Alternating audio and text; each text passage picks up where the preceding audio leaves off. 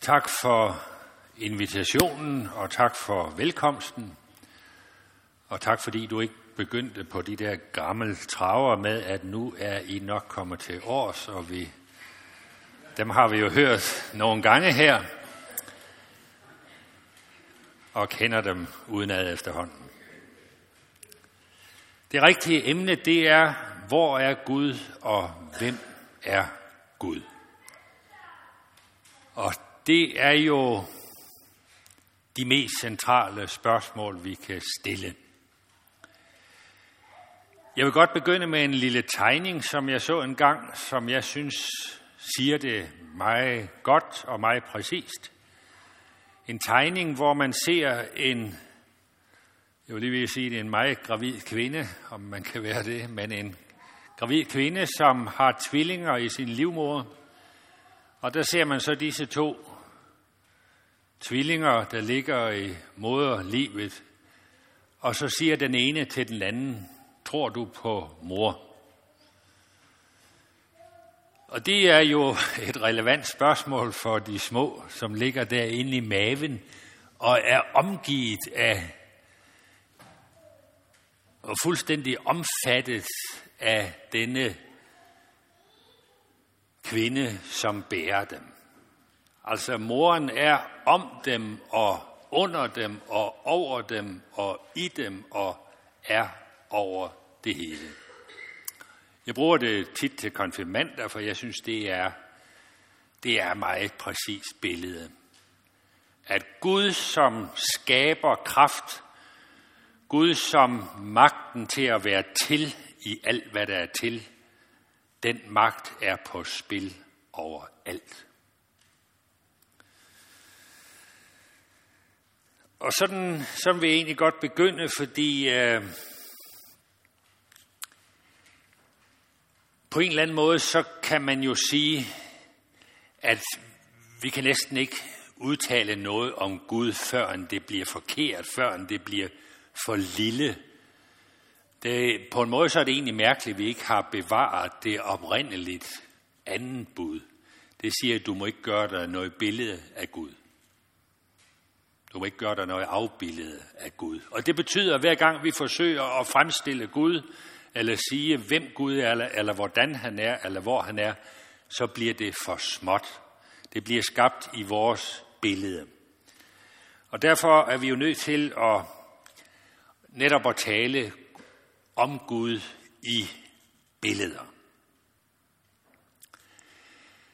Man hører det ofte i dag, jeg hører det også ofte, jamen jeg kan ikke længere tro på en gammel bedstefar, som sidder deroppe over skyen. Og jeg skynder mig lidt at sige, nej, det kan jeg heller ikke. Og nogle gange så tænker man, at, at øh, nogle mennesker kommer aldrig dertil, hvor de kommer af med disse lidt barnagtige forestillinger. Det, det, der er jo ingen fornuftigt menneske, der kan tænke om Gud som en bedstefars skikkelse med stor skæg, som sidder et sted op over skyerne. Det er et billede, vi har for at kunne overhovedet tale om Gud.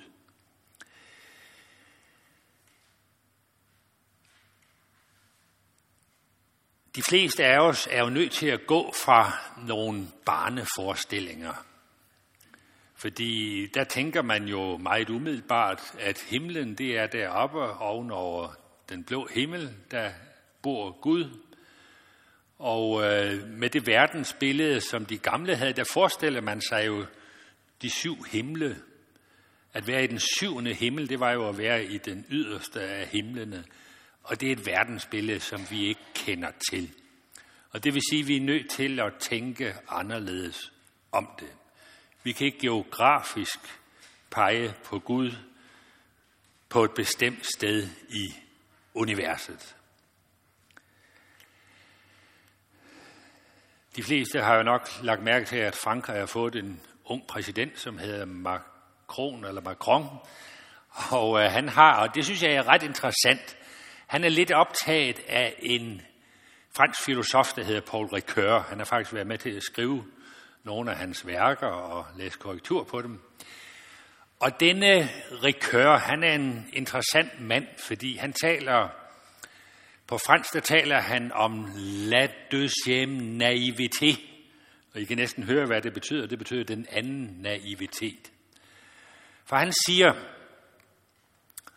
som barn, der forestiller man sig, at øh, regnbuen, ja, det var, det var Guds pagt med menneskene. Det var Guds pagt med mennesker. Og så lærer vi jo efterhånden, at regnbuen, nå, det er noget med nogle farver, som bliver til på den bestemte måde, under de bestemte vilkår og sådan noget, og regnen, det kommer på den og den måde og sådan noget.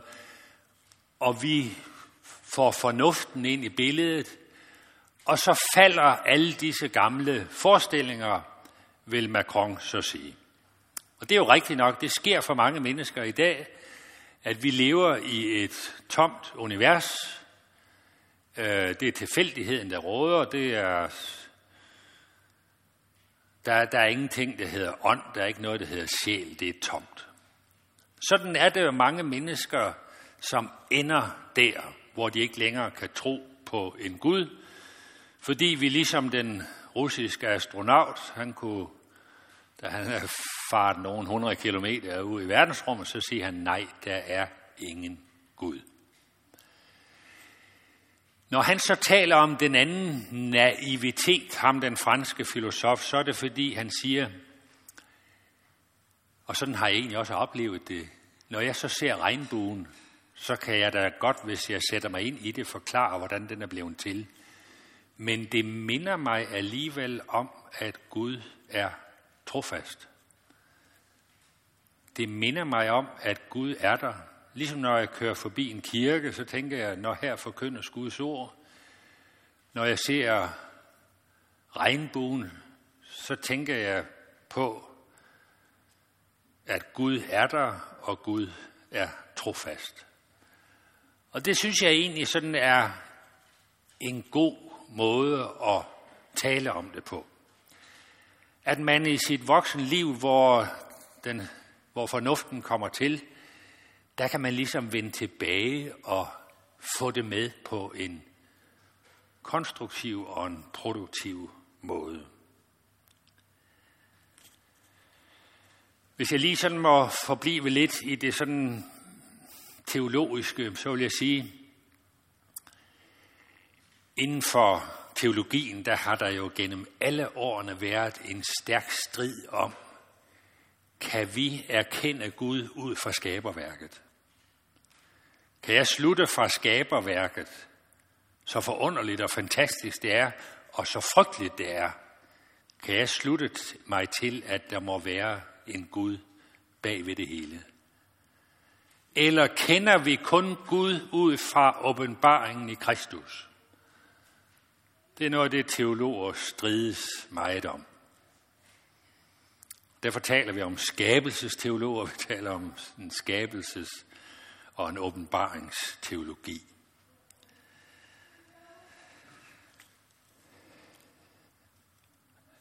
Jeg vil jo fastholde med Paulus, at ikke at skaberværket beviser, at Gud er der, men det lægger op til, at der er en skaber magt, som står bag ved det hele.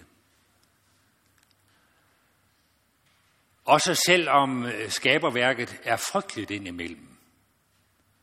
Jeg kan huske, da den der forfærdelige tsunami kom for 13-14 år siden. Der var der et tilfældigt interview med en kvinde i København, hvor hun stod og udmalede, hvor forfærdeligt det her det var. Og så siger hun, jeg ved da snart ikke længere, om man kan tro på ham deroppe. Og hvis, hvis jeg skulle øh, være helt ærlig, så er jeg lige ved at tro, at det modsatte er tilfældet, at hun egentlig slet ikke har skænket en tanke med ham deroppe, før nu, hvor der sker noget så forfærdeligt, og så begynder hun at spørge efter en mening med det hele. Men skaberværket, det er tvetydigt. Det er forunderligt, og det er, jeg synes, jo mere man hører om universet, jo mere Fantastisk er det hele. Og stort og forunderligt. Men også brutalt og barsk. Paulus han siger jo i begyndelsen af Romerbrevet, han siger, de kan ikke undskylde sig med, at de ikke kender noget til Gud, for han har sat sine tydelige spor i skaberværket. Jeg læser fra den nye aftale. Godt nok kan man ikke direkte se eller måle den evige Gud, men den verden, han har skabt, viser hans guddommelige magt. Det synes jeg er fantastisk sagt og fantastisk tænkt af Paulus. Når han ser, hvordan skaberværket er, så siger han til sig selv, der må være en Gud, som står bag.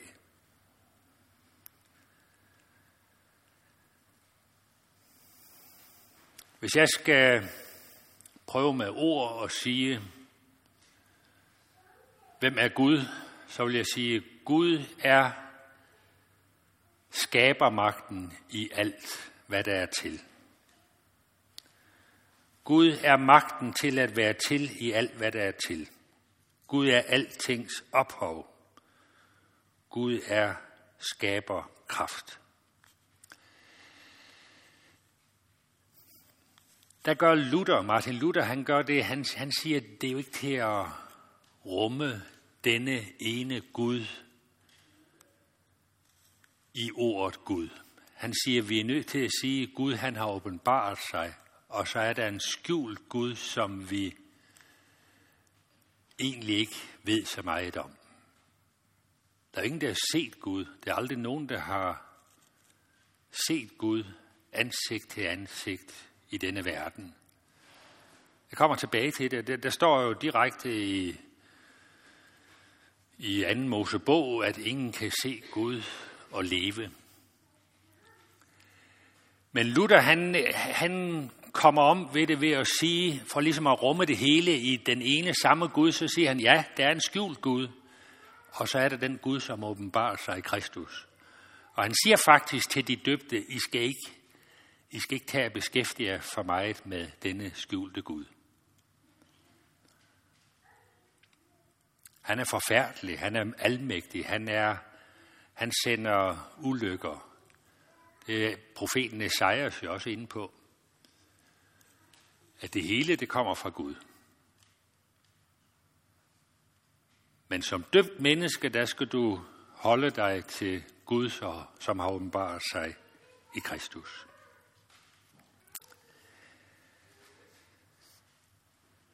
Moses han siger, må jeg ikke få lov at se din herlighed? Herren svarede, jeg vil lade al min herlighed passere forbi dig, og samtidig råbe mit navn, Jave. Jeg viser godhed mod hvem jeg vil, og jeg viser barmhjertighed mod hvem jeg vil. Men du kan ikke få mit ansigt at se, for intet menneske kan se mig i min herlighed og overleve.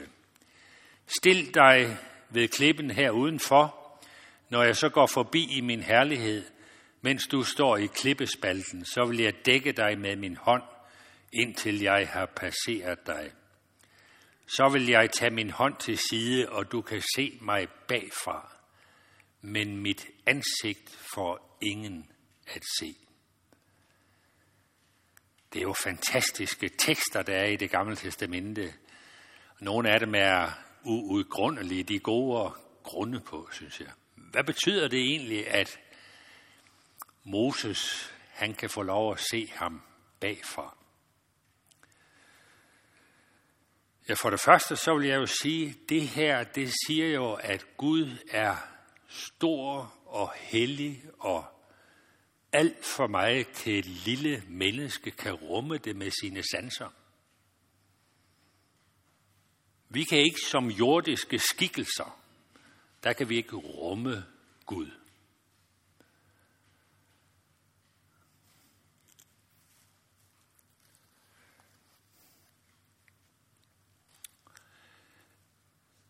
Jeg tror, det skal sige lige præcis det, som Paulus, han, øh, den vending, han bruger.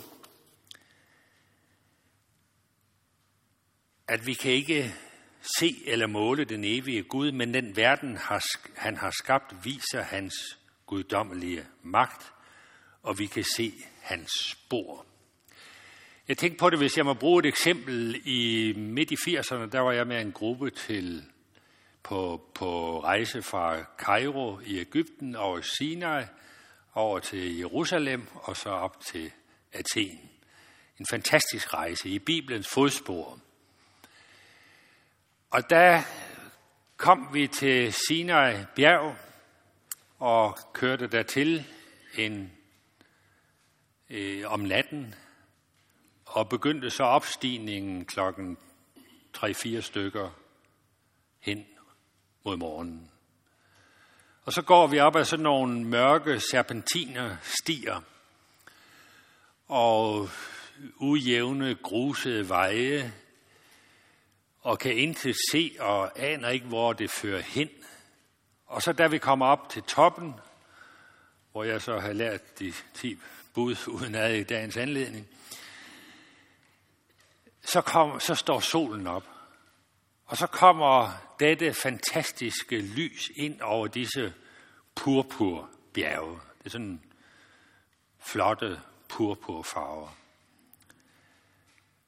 Og, og når vi så står på toppen af bjerget, så kan vi tydeligt se disse stier, som vi er gået ad. Nå ja, så smukt. Det er der, vi har gået. Men mens vi gik i det, så var det forvirrende og bullerne mørkt og lidt anstrengende.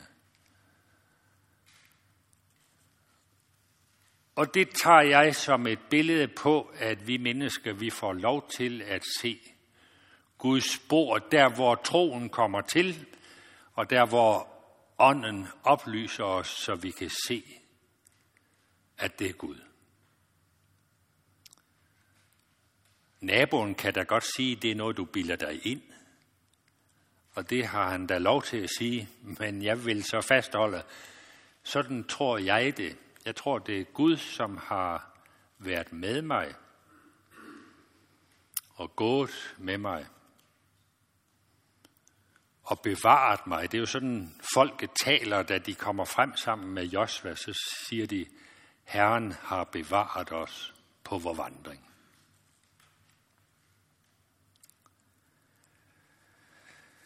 Lidt senere så træder Moses jo hen til øh, den brændende tornebusk. Og øh, der bliver han jo spurgt om, der, der spørger Moses jo, hvad skal jeg sige, når folk spørger, hvem det er, der har sendt dig? Hvad skal jeg så svare? Og øh, der siger der siger Gud, jeg er. Ordet jave, det betyder simpelthen, jeg er. Og det er jo allerede en temmelig vigtig forestilling eller bestemmelse om Gud, at Gud er den, som er. Modsat os. Ja, vi er nu, men vi er sandelig kun for en kort bemærkning her i universets historie, så er vi ikke mere. Men Gud, han er. Gud, han er denne livsmagt, som er fra evighed til evighed. Og disse gammeltestamentlige historier, de lærer os jo også noget om, at øh, dette store, vældige, frygtelige, hellige, som Gud også er. Det er måske noget af det, der truer vores forkyndelse lidt i dag. Det ser også ud som om, der er flere og flere, der bemærker det, at Gud han er så rar. Gud er lige så rar, som en morfar er. Og til sidst, så kan det jo blive i denne tale om den rare Gud, det kan blive sådan ligegyldigt gjort det hele. Det gør stort set ingen forskel, om du tror på ham eller ej. Og derfor disse gamle fortællinger, de, øh, de taler altså med mere saft og kraft om Gud. Det jeg er, som har sendt mig. Det, det er den Gud, som er og som er bag om alt liv. Den sidste bog, som professor Anne-Marie Ågaard hun har skrevet, den hedder øh, den hedder Den Hellige Gud, eller noget i den stil. Der skriver hun øh, i forord, der skriver hun, der er egentlig kun én ting, som det gælder om for det døbte menneske. Det er at blive helliggjort. Og hun påviser jo, hvordan ordet hellig, det stort set er kommet til at betyde noget negativt. Der er en del, som bruger det sådan i daglig tale, du vil ikke blive en hellig, eller det har fået sådan en sær klang i vores moderne tid. Og der synes jeg, det er velgørende at høre, at hun frejdigt lægger det frem og siger, der er en ting, det gælder, når du er døbt, det er, at du helliggøres. Og du bliver helliggjort ved at være i den kristne menighed, og ved at høre evangeliets ord, ved at leve af sakramenterne, og ved at holde bøn og ved lovsang. Det er at blive helliggjort.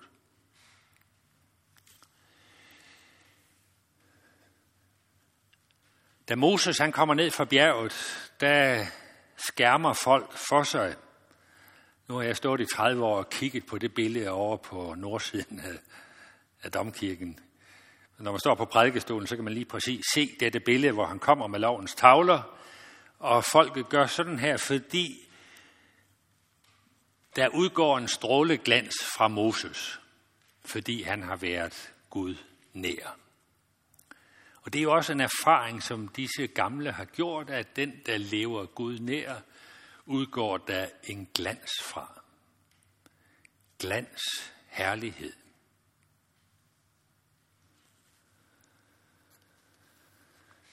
Og det er, hvis jeg må putte det ind her, der, der er jo pludselig ved at, sådan at være meget snak om det igen i, i dagens Danmark og i folkekirken og også udenfor. Fordi en kvinde står frem og siger, jeg har set Jesus. Og jeg var lige ved at sige til hende, det har jeg også. Det har jeg gjort mange søndage og mange gange, når jeg læste i min bibel, så ser jeg Jesus. Jeg ved selvfølgelig godt, hvad det er, hun vil sige, og hvad det er for en særlig oplevelse, hun har haft. Hun har set Jesus skikkelsen gå, som han åbenbart har set ud den gang, da han gik ved Genesarets sø, og det har gjort et stærkt indtryk på hende. En livsforvandlende oplevelse har det været. Det tror jeg ikke, vi skal trække noget fra. Jeg synes bare, jeg lige vil sige, vi andre, som som må nøjes med at høre ordet og tro på det og stole på og få Helligåndens bistand til at fastholde troen. Vi skal også have lov at være her. Vi skal også have lov at se, sige, at vi også har set Jesus og hørt om ham og stoler på ham.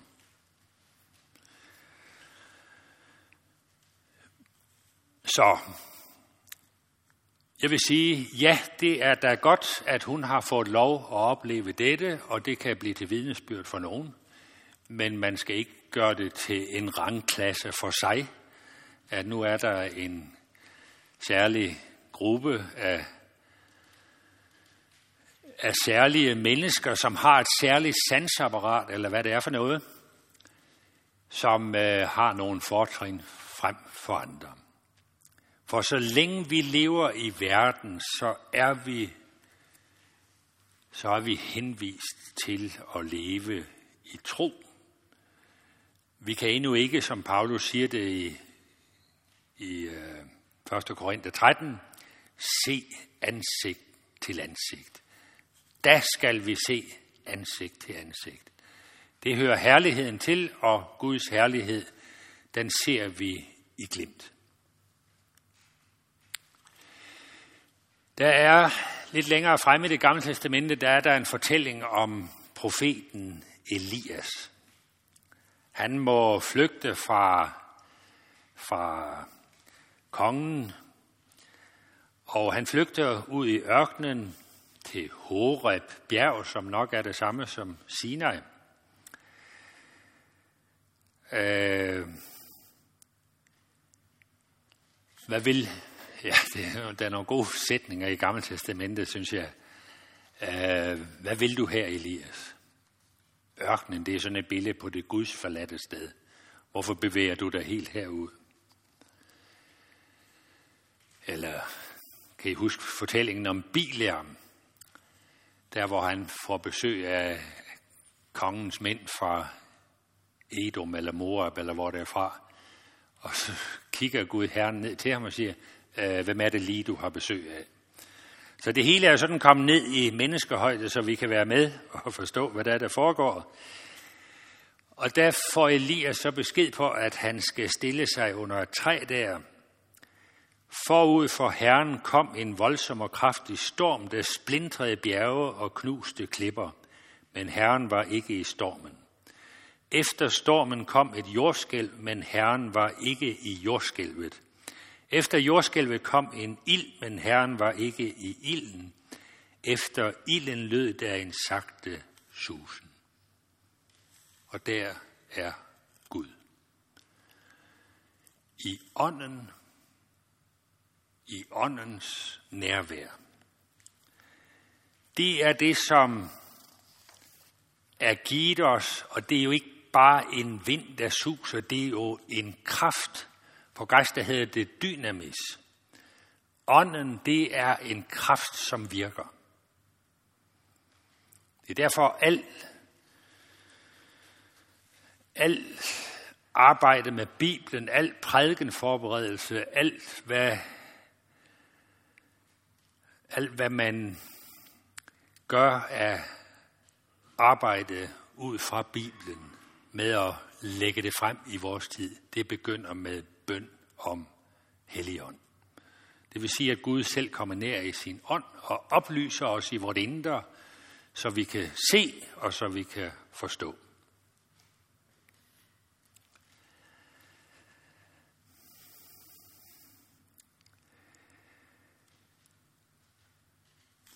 Og så kommer vi til det, som er tidens midte.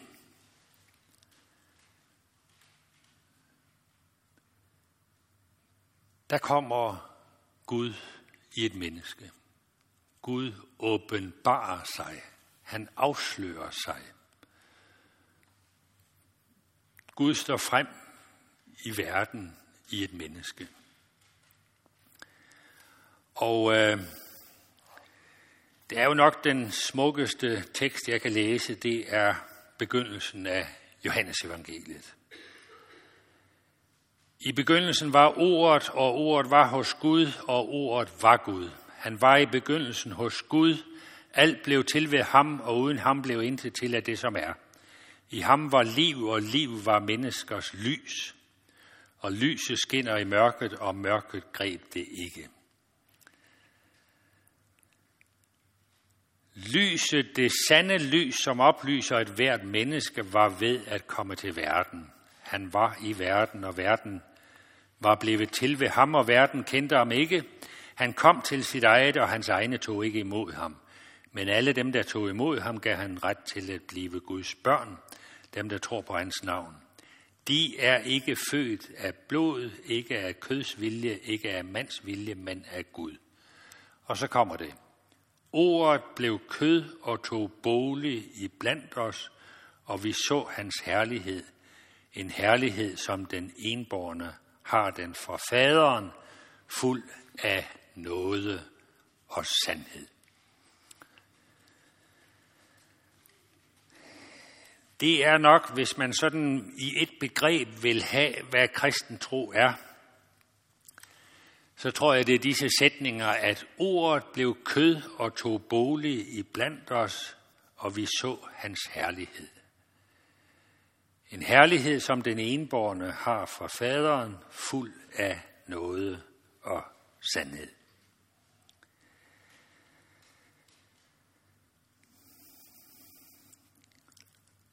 Egentlig så er det jo en fortælling, der sådan næsten led for led minder om juleevangeliet, og det er selvfølgelig derfor, vi læser det øh, juledag. Men det skete i de dage. Det er jo det, der siges i indledningen, at ordet blev kød. Og på dansk kan man jo sige kød og blod. At det bliver til praksis, at det bliver til virkelighed i verden. Og vi så hans herlighed. Og læg mærke til, at dette ord herlighed, det er bestemt af to ord.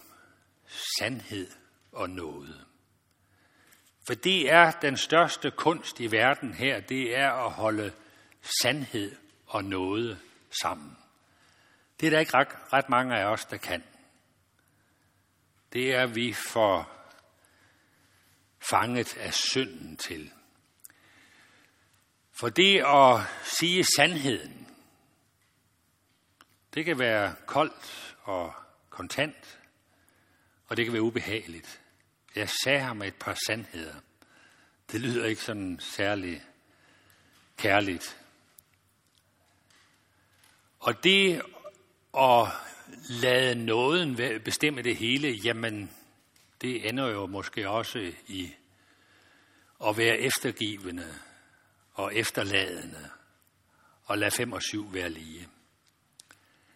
Men sammenholde noget og sandhed. Det er det, som et menneske i verdenshistorien har gjort, og det er Jesus selv. Vi kan jo se det ved en af de seneste søndage her, da Jesus møder kvinden derude ved brønden. Han ser lige igennem hende, han kender hendes historie, og samtidig så viser han omsorg for hende. Så herligheden i verden, det er noget og sandhed på en gang. Og der hvor Jesu ord, det forkyndes, og der hvor det bliver til sandheden om mennesker, og der hvor det fører til næste kærlighed, der kommer der glans, der kommer der herlighed ind over verden.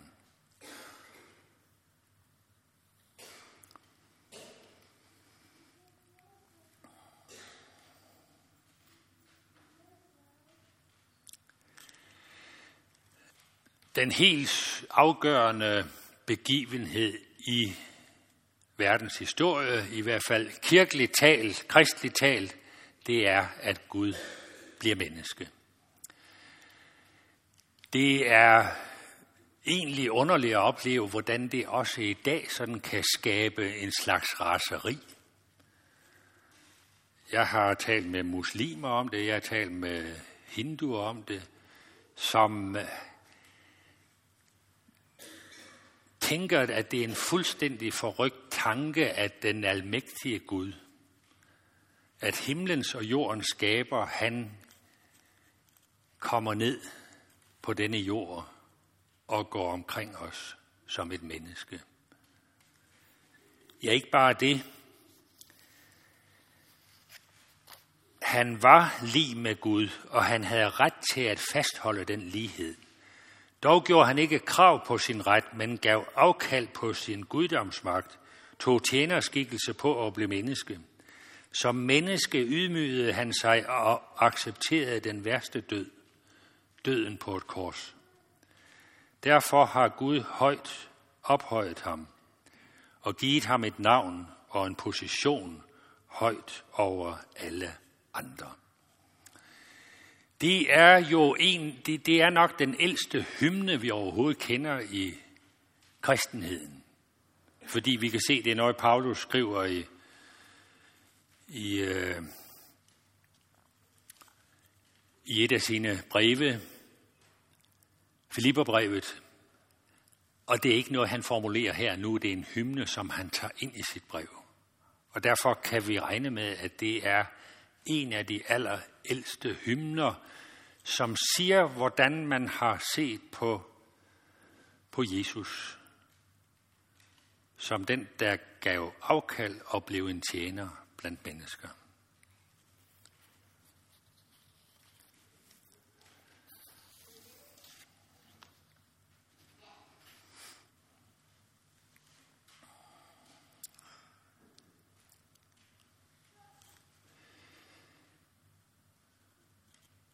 Gud åbenbarer sig i Jesus.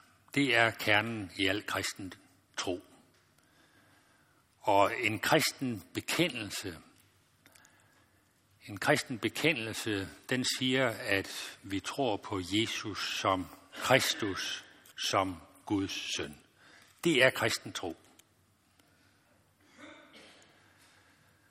Og den kristen tro, som bekender den treenige Gud, som Gud, der har skabt alle ting, som Gud, der kom til os midt i historien, som Gud, der nu er nærværende i ånden.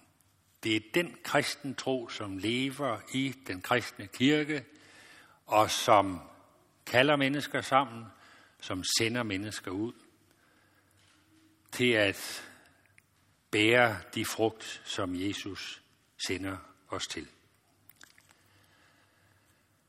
Det er Guds gerning, som skal gøres i verden. Og i perioder, og sådan kan det jo være i en så massiv sekularisering, som vi står midt i, hvor mange til syneladende, jeg vil lige vil sige, øver sig i at leve uden Gud. Det kunne se sådan ud, altså at man, øh, man lærer at leve et dagligliv, hvor Gud ikke kommer ind i billedet. Der sker der så også, og det synes jeg er tankevækkende, så er der mennesker, som ud af tørst og sult spørger efter en anden, efter noget andet. Der må der være andet og mere i dette liv, eller man gør erfaringer. Det er jo ikke noget, vi kan forføje over. Det kommer, når Gud vil. Det sker, når Gud vil.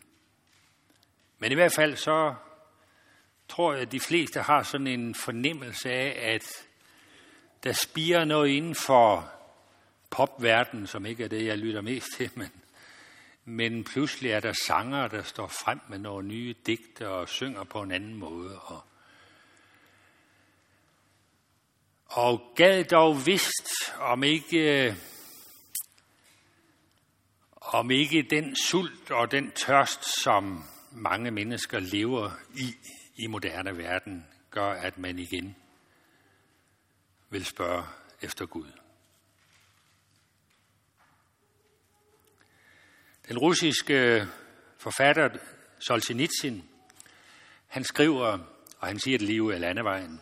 Han sad jo i de sibiriske fangelejre i mange år, inden han fik lov at flytte til USA. Han siger, hver gang jeg ser en kirkebygning i landskabet, så tænker jeg, det var dog godt. Her er Gud nær. Her forkyndes Guds ord. Her er der en velsignelse og en fred at gå ind under. Og det tør man jo næsten ikke sige højt i vores verden, fordi så hører man jo med det samme, ja ja, men der er også mange gode humanister, og der er også mange gode muslimer, og der er også mange gode af alt muligt andet. Ja ja, det er der. Men for os, der bliver det ligesom med himmelbuen, det minder en om, ja, det er da godt, at Gud er her. Det er godt, at vi ikke er overladt til os selv.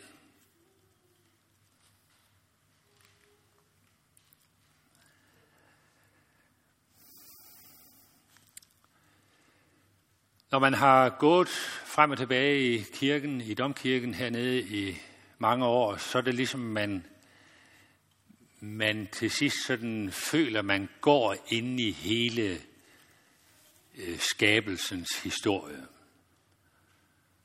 Man kommer ind dernede i, i nordsiden, eller vestsiden, og, og, og går igennem Gamle Testamente med skabelsen. Og så, når man kommer lidt frem og kigger op, så kigger man op imod fuldendelsen, hvor Kristus sidder på sin trone, og den store hvide flok vifter med palmegrene og synger lovsang. Det er det store perspektiv, der er i Bibelen, i kristendommens fortælling. Og indtil vi når frem til denne herlighed, der går vi så at sige ned på jorden. Der er Kristus arm i blandt os. Der er Kristus svag og afmægtig. Og hvorfor Gud har besluttet, at sådan skal det være, det er og forbliver en gåde for os. Måske er det den eneste måde, at Gud i sin kærlighed kan træde frem på. Men sådan har han bestemt det. Og så siger han til os i sit ord, at der er et håb, at al smerte og lidelse, al synd og død, det skal høre op en gang. Og så kommer der en ny himmel og en ny jord, for den første himmel og den første jord forsvandt, og havet findes ikke mere. Og den hellige by, det nye Jerusalem, så jeg komme ned fra himlen fra Gud, reddet som en brud, der er smykket for sin brudgom. Og jeg hørte en høj røst fra tronen sige, nu er Guds bolig hos menneskene. Han vil bo hos dem, og de skal være hans folk. Og Gud selv vil være hos dem. Han vil tørre hver tårer af deres øjne, og døden skal ikke være mere, ej heller sorg, ej heller skrig, ej heller pine skal være mere. Til det, der var før, er forsvundet. Det det store perspektiv, det er det, som vi ikke kan sige os selv. Det kan vi ikke regne os frem til. Det må åbenbares os, det må gives os. Og det er de vilkår, vi må leve med som døbte kristne mennesker her i verden, at vi må høre det på ny og på ny, dette håb. Som Lisbeth Smedegaard skriver, at i løbet af ugen, så kan det blive, så kan det blive dødt og, og tungt for os, og derfor må vi derhen igen på på ugens første dag og høre det på ny. Og det er jo det forunderlige, at Guds ånd, det er denne kraft, som skaber troen og håbet i os. Vi skal tænke stort om Guds nærvær i Helligånden. Vi skal turde bede om Helligåndens kraft vi skal øve os i og stole på det. Og det vil jeg slutte med, at vores store tænker og filosof og teolog Søren Kierkegaard, han siger, det er det, som er det kristne menneskes øvelse. Det er at øve sig i at stole på Gud og hans helligånd. Amen.